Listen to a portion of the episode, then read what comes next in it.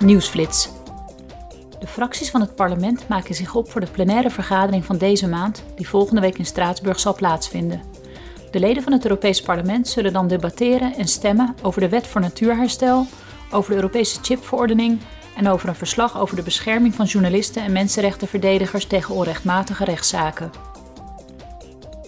In Straatsburg zal het parlement daarnaast debatteren en stemmen over een aantal belangrijke kwesties, zoals de uitrol van elektrische laadstations voor auto's en vrachtwagens, regels over groenere brandstoffen voor de zeevaart, nieuwe doelstellingen voor energiebesparing en strengere regels om industriële emissies te verminderen. In de plenaire vergadering van volgende week zal ook gestemd worden over het eindverslag van de Bijzondere Commissie Buitenlandse Inmenging met voorstellen voor hervormingen om de democratische instellingen en de integriteit van het Europees Parlement te beschermen.